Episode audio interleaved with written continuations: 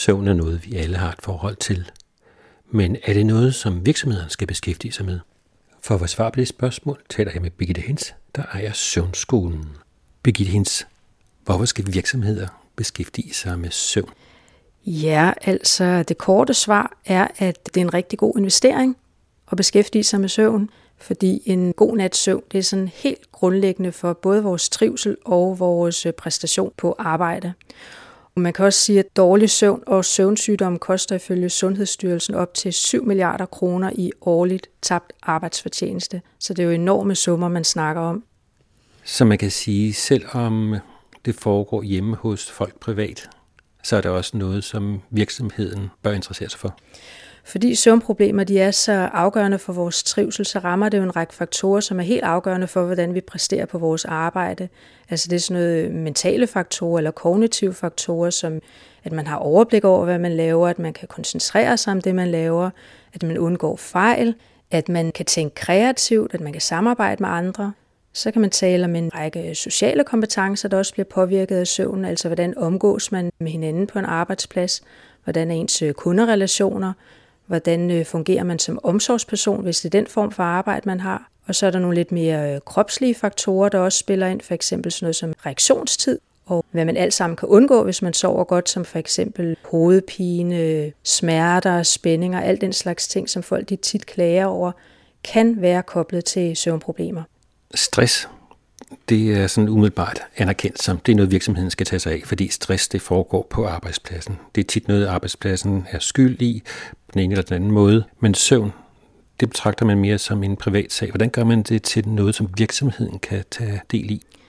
Altså, jeg vil gerne starte med at rette en kommentar til det, du siger om stress, fordi der er en tendens til, at man ligesom giver skylden på arbejdspladsen, men stress er et meget bredt fænomen.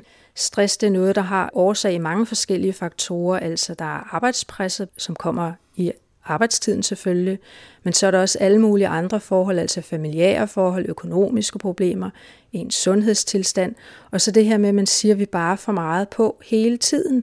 Altså for eksempel så stresser det også meget at være på på skærme hele tiden. Du får en øh, voldsom lyspåvirkning, du får en voldsom påvirkning af larm og handling og alt muligt, som hjernen skal tage stilling til. Man er så meget på i forhold til skærme, og det kan godt føles som øh, afslappende, men øh, det er faktisk aktivitet for hjernen. Både det lys, der kommer ind fra alle de skærme, vi kigger på, men også al den aktivitet, der er inde på skærmene.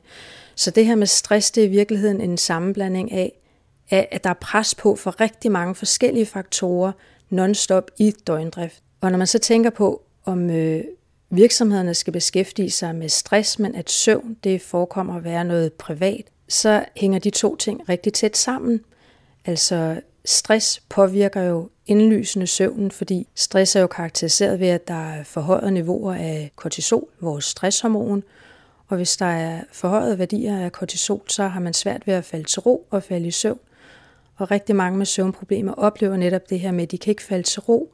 Tankerne de kører bare i ring, det er tankemylder, og så begynder man til sidst at blive bekymret for, om man overhovedet får søvn nok, og så er det sådan en selvforstærkende cirkel. Og omvendt så påvirker en dårlig nat søvn også stressniveauet. Hvis man sover dårligt i en kortere eller længere periode, så har man en tendens til at få stress, fordi man simpelthen ikke kommer ned i lavt nok gear i løbet af natten, hvor stresshormonerne jo normalt sænkes.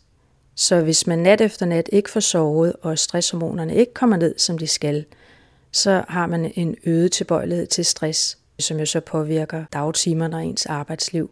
Så søvn og stress, de er bare meget tæt forbundet med hinanden. Hvad er det så virksomheden kan gøre?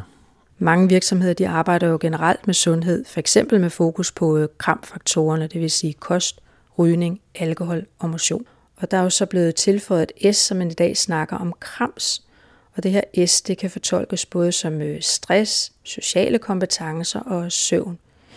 Altså, så jeg synes, det at beskæftige sig med søvn, det er en naturlig forlængelse af at beskæftige sig med de ting, man i forvejen arbejder med. Altså, det er naturligt, at virksomheden arbejder med sundhedstiltag for medarbejderne. Samtidig kan man også sige, at der er en meget stor interesse for sundhed helt generelt i de her år.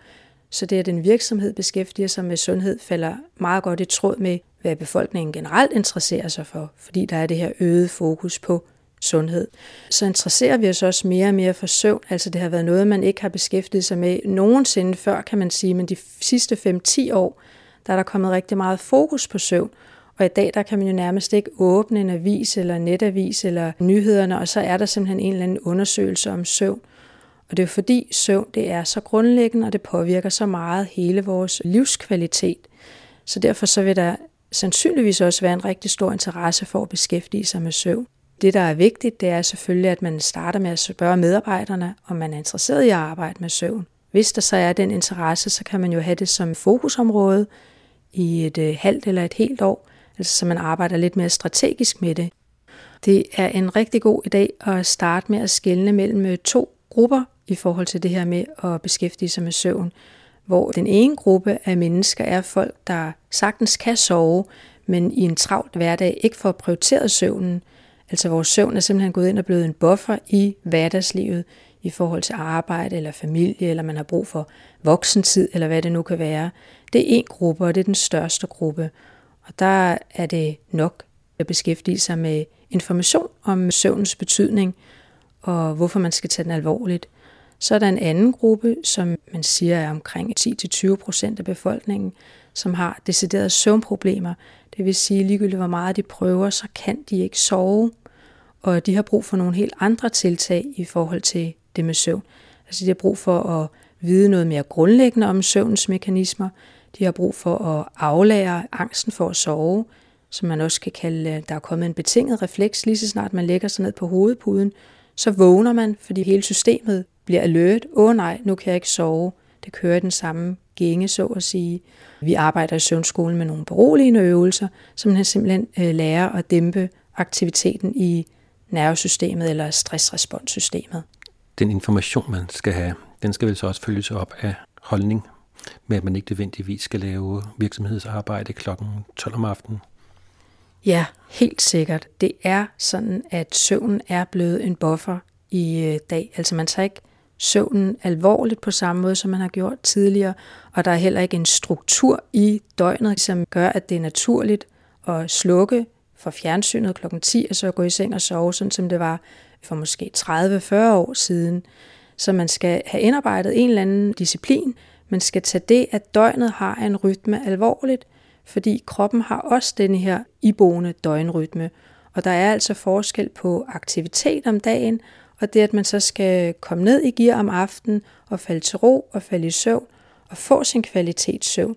Så man skal selvfølgelig ikke om aftenen begynde at arbejde, tjekke mails, begynde at have sindsoprivende telefonsamtaler eller sidde og tjekke alle mulige ting på nettet eller læse en meget, meget spændende roman. Altså man skal virkelig have det fokus, at om aftenen, der skal man bruge tid på, at nervesystemet, hjernen, får mulighed for at give ned til en god nat søvn. Podcasten var produceret af Reciprok Kommunikation. Mit navn er Henrik Moral.